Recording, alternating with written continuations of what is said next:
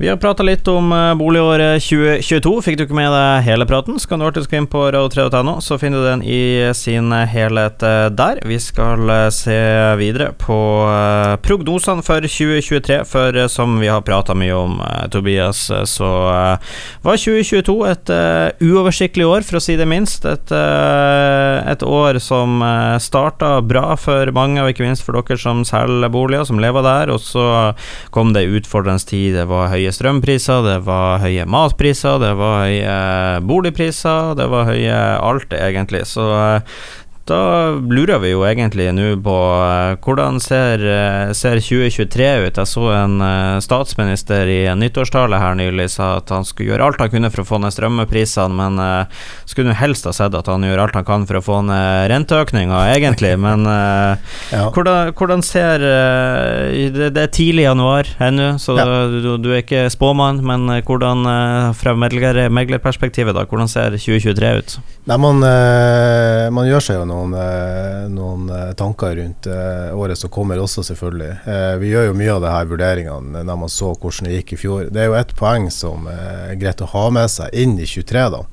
Det er jo det at selv med den prisnedgangen som var siden september i 22, så har jo boligprisveksten vart i 18 måneder. Så har jo de steget med ca. 15% Sånn de som kjøpte bolig da i 21, tidlig 21, de har jo hatt en formidabel prisvekst. Og selv med den prisnedgangen som har vært, så sitter de med en ganske stor positiv egenkapital også nå inn i 2023.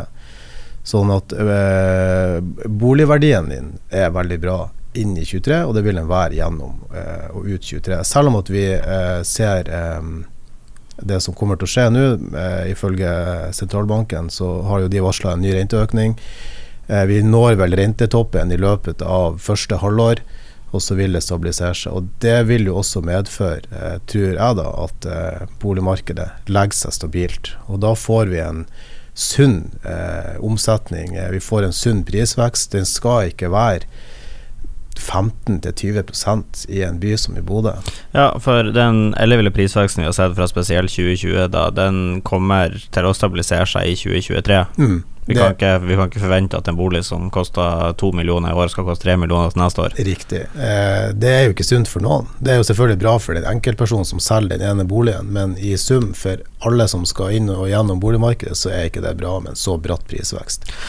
Men for de som skal kjøpe og, og selge bolig da nå i 2023, hva er, hva er liksom rådene til, til de egentlig? Tenk tenker spesielt de som kanskje ikke må selge, mm. eh, men, men vurderer det. Er, er, det lurt å sette og vente litt til det stabiliserer seg nå, eller er det er tanken at det er kommer til å stabilisere seg nå kjapt, og at uh, dermed det er kanskje tryggere, i hvert fall nå, enn det var i fjor uh, høst?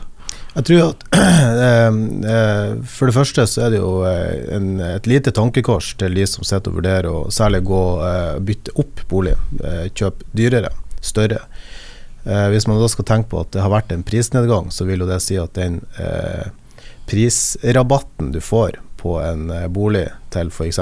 6 millioner, som har gått ned 5 den er ganske mye større enn den rabatten du må gi på egen bolig som da kanskje er 3-4 millioner. 5% av det er jo nødvendigvis mindre enn 5% av 6 millioner.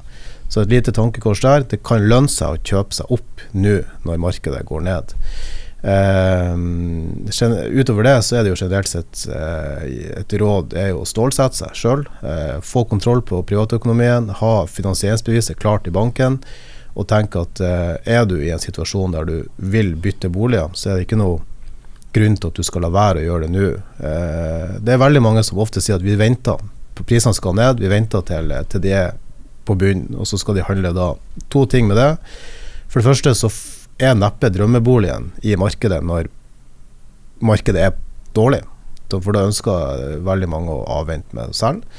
Eh, det andre er det at eh, du ser ikke bunnen fremfor deg, den ser du bak deg. Og når du da eh, skulle bestemt kjøpe på bunnen, så ender du opp med å kjøpe i et stigende marked likevel. Så kort oppsummert, da. Eh, boligmarkedet for 2023 antar det kommer til å bli mer stabilt enn det har vært de siste årene. En stabil eh, prisvekst det er også det man antar, og da legger jeg under antar, da. Man vet jo selvfølgelig aldri, Mm. men eh, sånn som det er nå, i hvert fall, så er det ikke noe, noe grunn hvis man har mulighet til å sitte så altfor lenge på gjerdet, altså. Nei da, absolutt ikke. Eh, og er folk i tvil om hva de skal gjøre, og eh, vet hva de har å rutte med, så er jo soleklare anbefalinger er å ta kontakt med oss som sitter i bransjen og holder på med det her hver dag. Vi er jo her for å gi råd, ikke bare for å selge boliger, men vi skal jo også kunne rådgi eh, usikre boligkjøpere, generelt sett boligkjøpere. Så bruk oss for det vi er verdt. Det er gratis å spørre. Det er gratis å spørre, enn så lenge. Takk for det, Tobias, og eh, ja, lykke til med boligåret 2023, får vi vel avslutte med. Takk for det.